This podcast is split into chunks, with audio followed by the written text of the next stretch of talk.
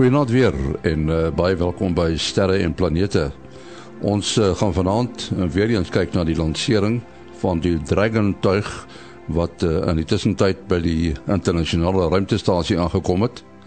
En uh, daar is natuurlik ook 'n insetsel van Lafras Smit daar uit die Vrystaat van sy plaas af om vir ons te vertel watter voorwerpe 'n mens na kan kyk in die volgende klompie weke.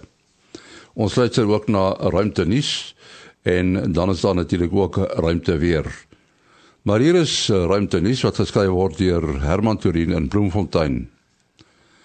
Terwyl dit onlangs aan die lig gekom het dat daar wel in die onlangse verlede 'n mens op aarde dood is nadat 'n klip uit die ruimte hom getref het en hy die enigste persoon was wat in die moderne tyd so aan sy einde gekom het, dui argeologiese opnames op veel meer ongevalle.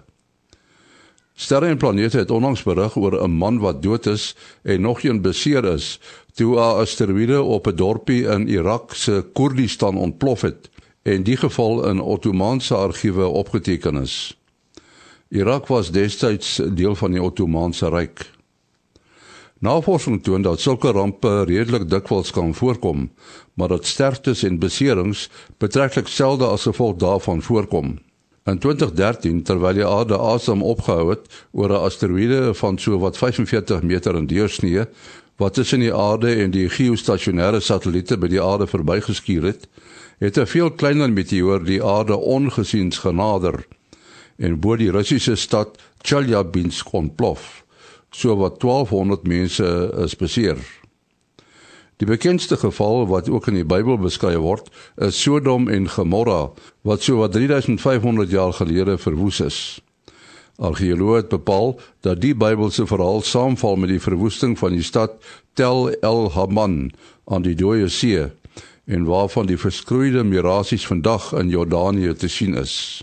Die 60% invalshoek waarmee die reuse asteroïde die aarde so wat 66 miljoen jaar gelede getref het, was die beste hoek waarmee optimale skade aangerig kon word om die dinosourusse mee te laat uitsterf en ook soogdiere byna alles te laat uitsterf. Na raming is 3/4 van alle lewe op aarde destyds uitgewis. Tot sover dan ruimte nuus geskryf deur Herman Turin in Bloemfontein. En nou hier is Kobus Olkers met ruimte weer. Kobus. Die eerste ding wat natuurlik uh die moeite werd is om te noem is dat ons het vir die eerste keer sedert 2017, 20ste Oktober 2017 het ons weer 'n M-klas fakkel gesien uh van die son af uh met sy gepaardgaande gaande korona massa uitbarsting. Dit het uh gelukkig aan die agterkant van die son gebeur. Dit was so net net oor die oor die randjie linkerboonste randjie van die son op hierdie stadium. Dit was natuurlik verlede Vrydag. Op hierdie stadium as ek nou kyk na daai ding, hy's nou reeds op die op die voorkant van die son. Hy is nog nie uh, kompleks genoeg om soos dit my lyk om om om, om 'n baie groot uitbarsting te gee nie. Uh maar hy's groot en baie goed gevestig en dit is natuurlik ook een van die nuwe siklus uh se se sonvlekke sy sy noordpool loop voor. Goed en dan verder het ons hierdie week 'n uh, redelike groot kroonkorona gehad aan die noordekant van die son en bo by sy noordpool. Hy het so sliert wat hier afgaan en uh en hy is reeds uh, geo-effektief. Hy sal waarskynlik nog so bly tot uh tot so Dinsdag, Woensdag se koers. Verder is daar nie veel koronagate uh wat die effek kan hê nie. Ons sien 'n paar filamente ook. Hulle sit daar langs die koronagate, sit daar so enetjie ver noord. Hy kan absoluut niks aanvang met ons op hierdie stadium nie. Uh dan is daar in die suidelike halfrond van die son reg, hy is nou pragtig mooi geo-effektief. Lyk 'n bietjie onstabiel, maar omdat ons hom nou reg reg van bo af kyk, uh, is dit nie moontlik om te sien hoe sy struktuur onder hom lyk nie vir volgende week lyk my is daar nog 'n interessante ding aan die gang oor die agterkant van die son. Hierdie een is dit nou weer in die suidelike halfrond van die son. Hy's so net agter die randjie van die son en ek dink uh om die waarheid te sê teen môre oor môre sal ons hom kan sien. Hy's natuurlik nog glad nie geo-effektief nie en dan sodra hy oor die rand van die son kom kan ons kyk hoe sy magnetiese eienskappe lyk of hy uh, probleme kan gee. Nou ja, goeienaand almal. Daar sê Kobus Olkers daar in Florida, Amerika met ruimteweer. En van Florida in Amerika na die Vrystaat, na Lafra Smit wat vir ons vertel waarna mense in die volgende weke of wat kan kyk. Goeienaand Henny en goeienaand aan al ons luisteraars. Kom ons kyk gou vinnig na die hoogtepunte vir Junie maand. Vroeg aand is Mercurius sigbaar in die weste tot so by die 20ste. Jy kan al van môreoggend af begin kyk vir Venus in die ooste net voor sonop. Ja, Venus is nou weer ons oggendster en lê lekker tussen die Pleiades of die sewe susters en die helder ster Aldebaran van die bulkonstellasie. So behalwe vir Mercurius sal jy al die ander planete vroeg die oggend kan sien met Jupiter die hoogste in die lug, gevolg deur Saturnus, Mars en dan Venus wat net voor sonop te sien sal wees. Die maan is ook weer tussen Jupiter en Saturnus die oggend van die 9de Junie by Mars die 13de en by Venus die 19de. Of 'n mens dit kan glo of nie, maar dit is ook weer wintersonstilstand op die 20ste Junie 16 minute voor middernag. Dan, afhangend waar jy in Suid-Afrika is, kan jy kyk of jy die son met 'n klein happie uit kan sien opkom. Daar is die 21ste 'n gedeeltelike sonsverduistering wat slegs in die noordelike dele van ons land te sien sal wees. Maar jy sal moet vinnig kyk want dit is slegs vir 'n paar minute sigbaar. Tref ook maar voorsorg as jy na die son kyk en dit dalk te helder is. Dan ek het vir julle huiswerk, iets wat julle vir die volgende maand self kan gaan dophou en toets. Kry vir julle 'n lekker helder ster Verkieslik een in die ooste en probeer dit oplyn met 'n baken op die grond soos 'n toring, 'n boom of 'n paal. Daar is juis nou twee helder sterre in die ooste vroeg aansigbaar. Arcturus lê so noordoos en Antares, die helder geel ster van die skorpioen, meer oos.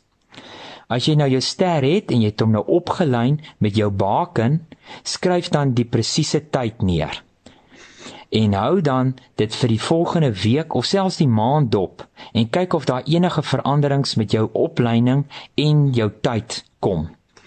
Ek sal met 'n volgende insetsel dan weer hieroor gesels. Tot 'n volgende keer, lekker opkyk almal. Dit was Lafra Smit. Nou Japie, die mense kan nou nog nie uitgepraat raak oor uh, die lansering wat ons uh, verlede week oor gepraat het nie.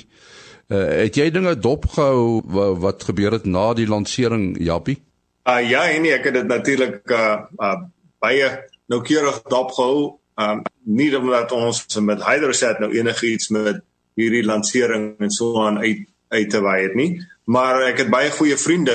Uh, ek ken die byvoorbeeld die president van SpaceX baie goed. So 'n mens uh, is nou maar bietjie daar vir hulle uh, ondersteuning en so aan, so ek het dit baie fyn dopgehou en uh die hele ding gevolg.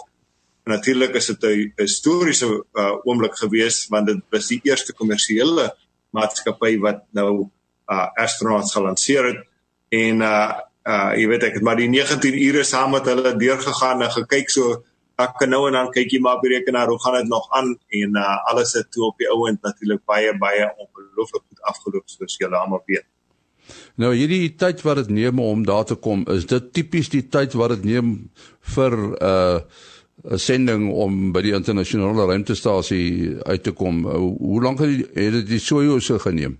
Ja, dit dit neem maar min of meer dieselfde hoeveelheid tyd. Kyk, as as jy net tot 400 km uh hoog 'n baan wil gaan, dit kan jy sommer baie vinnig doen. Julle julle het seker almal die spoed dopgehou na nie dit was nie nie baie lank nie toe is hulle reeds 100 km hoog. Dit is nie die uh, die afstand van die grond af na die na die ruimtestasie wat belangrik is hierso nie.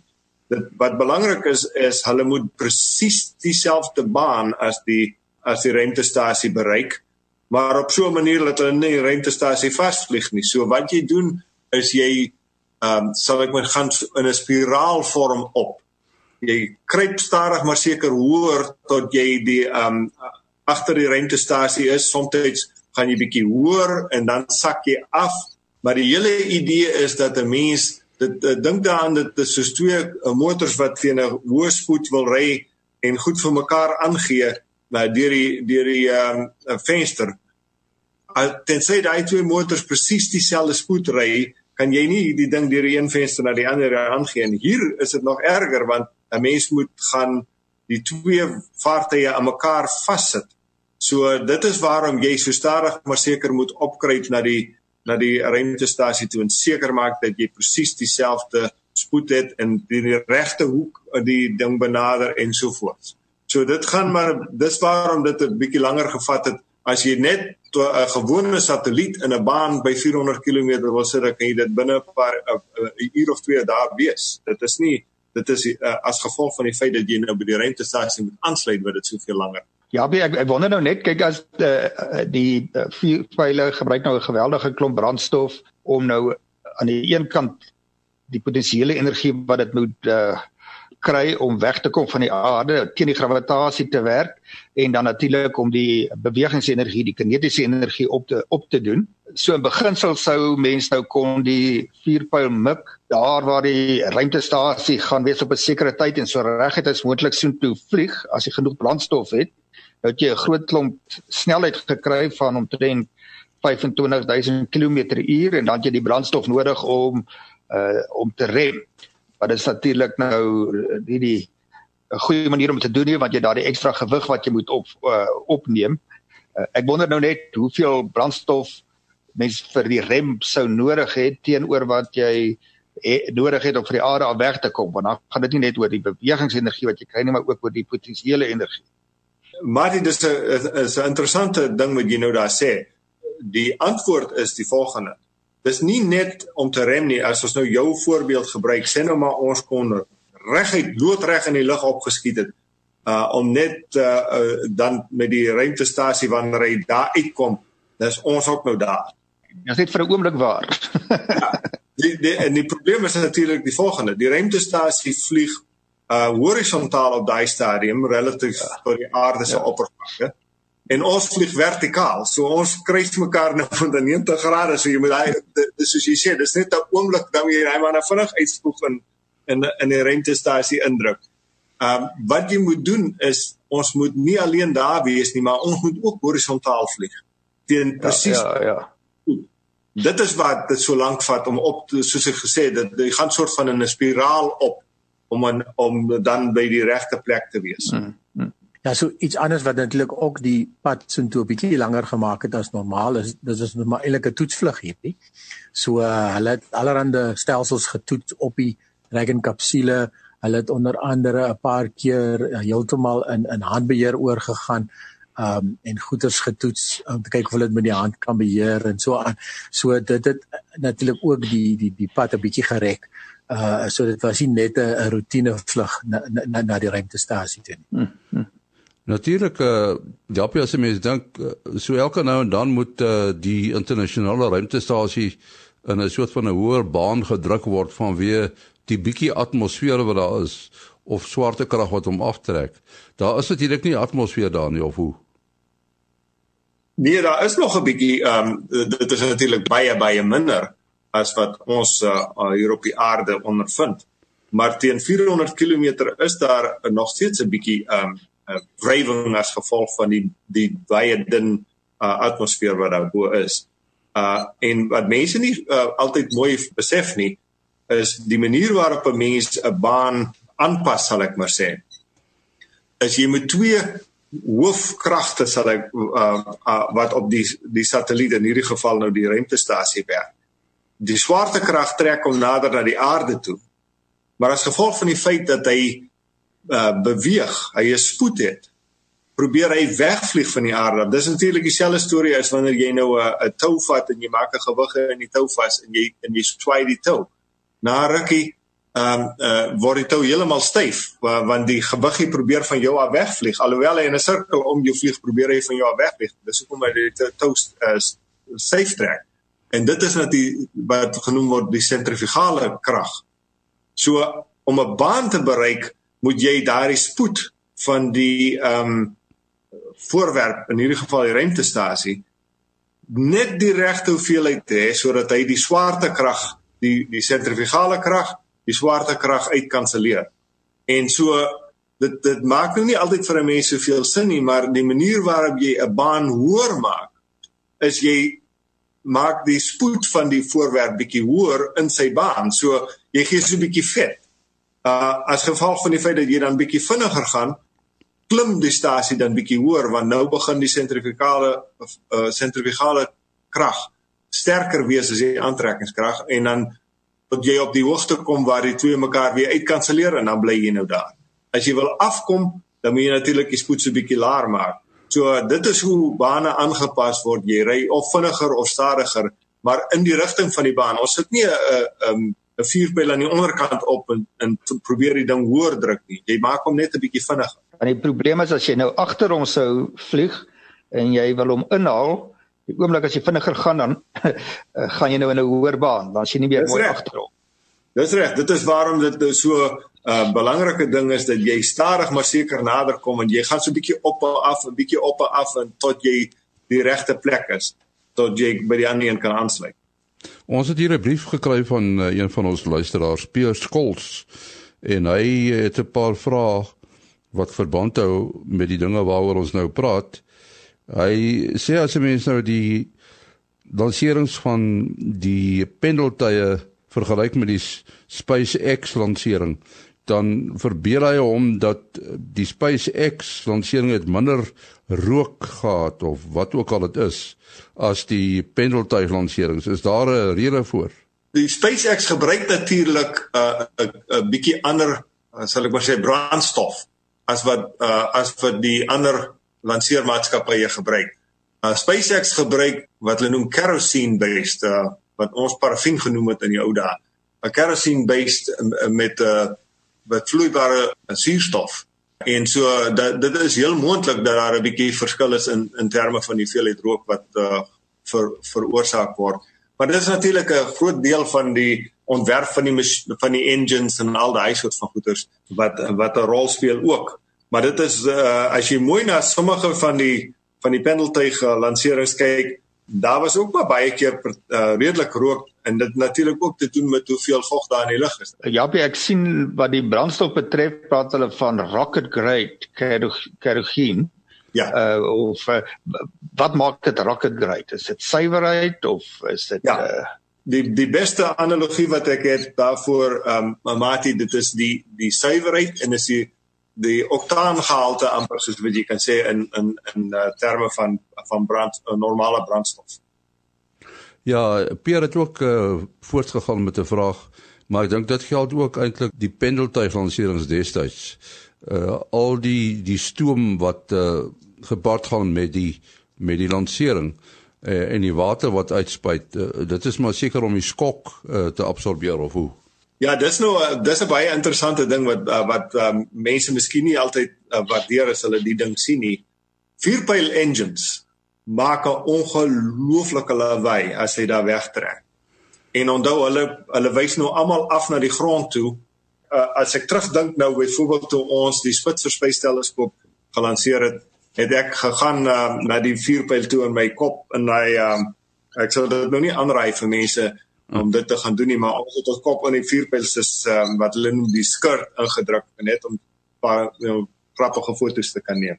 So dit is letterlik uh, maybe 'n uh, meter of 2 van die grond af wat hy die die uitlaatpype van die van hierdie vierpyl motore is.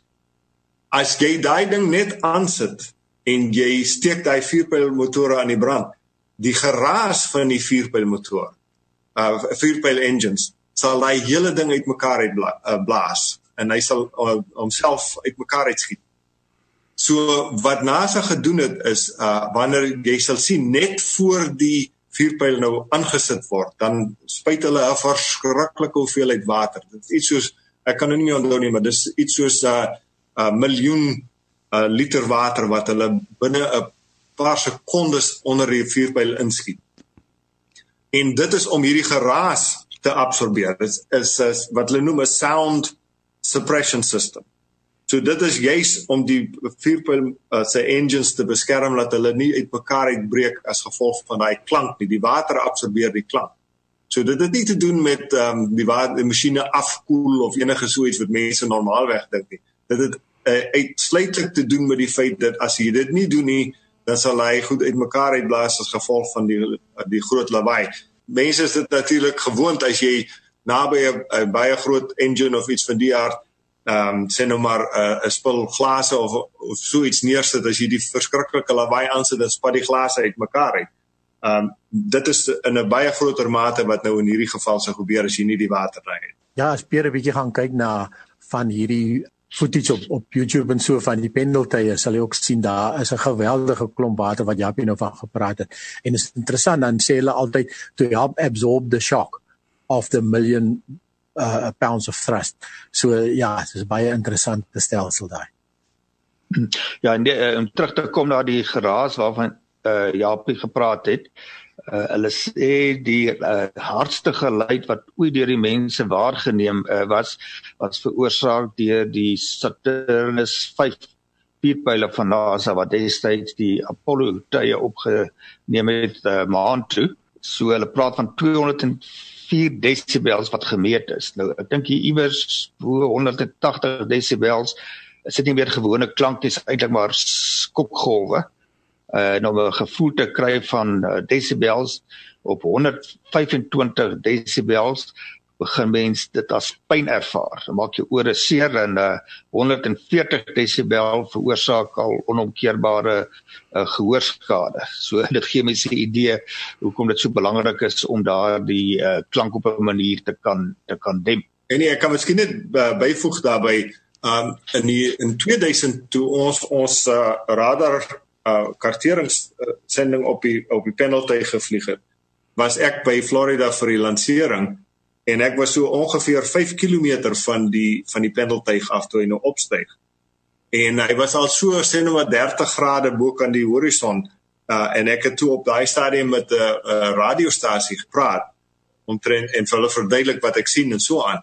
Maar wat ek baie duidelik onthou is hoe dat my my hemp begin dis asof wind in jou hemp um uh by dus die uh, die skokgolwe van die klank um, op daai stadium by ons uitkom.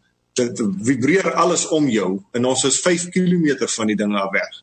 So dit is 'n ongelooflike um ondervinding om dit te sien. Nou die penalty was natuurlik heelwat groter lawaai as wat hierdie hierdie vier pile maak. Maar die SpaceX sit nog al 'n heelwat 'n hele groot lawaai uitwoon Ja, ek wil uh, net 'n kort klanksnit speel en dit is 'n klanksnit van die twee uh, ruimtevaders wat toe nou gelanseer is onlangs en wat dan net vertel wat die verskil is tussen die pendeltye en uh, hierdie Dragon of SpaceX sending. Hoe het hulle die verskil aangevoel? Hier is dit. The summary from uh, yesterday was good, uh, smoother uh, first stage. A little rougher second stage than we saw on shuttle, and that I think both of us were expecting. We did actually comment on it uh, while we were going uphill. I think we tried to verbalize as much of the new experiences we were having just to make sure they were for real between the two of us. We were sensing the same things. Uh, I think the question was uh, about the difference with uh, staging between the space shuttle and the Dragon since we didn't shut down the main engines on the space shuttle uh, like we went through for first stage and second stage. There was a significant difference between the solid rocket boosters on the shuttle and that second stage, and so I think we all definitely felt that separation and heard the clunk associated with it. Uh, Doug and I both uh, commented on, I think Doug commented on it first, that uh, we did feel some uh, early zero G when we came off of the first stage, and uh, we're getting ready to transition to the second stage, and then we felt that second stage light. Nou ja, daar het hulle gesels oor hoe dit vir hulle gevoel het toe hulle opstyg. Uh dis uh heel interessant. Nou ons moet miskien so 'n bietjie oor ander dinge ook praat. Uh net 'n vraag hier van Tinus Venter. Uh, miskien wil hy die Andromeda die die die galaksie, die sterrestelsel. Is hy net so groot soos ons Melkweg of is hy groter? Uh, ja nee ons uh, is 'n is 'n ou filletjie teen teen die Andromeda. Die, Andromeda is hier in die omgewing van 220 000 ligjare in deursnee en en ons eie Melkweg is hierso by omtrent die helfte van die van, van die grootte. So uh, nee, dit is definitief heelwat groter en dan is dit ook nog 'n satellietgalaksie wat ons van die aarde af kan sien Uh nie uh, wat ook interessant is om te weet van die Andromeda sterrestelsel is dat dit vir uh vir ons ten minste hier in die suidelike halfrond uh die verste sterrestelsel is wat mens met die blote oog kan sien. Die Magellaanse wolke is maklik.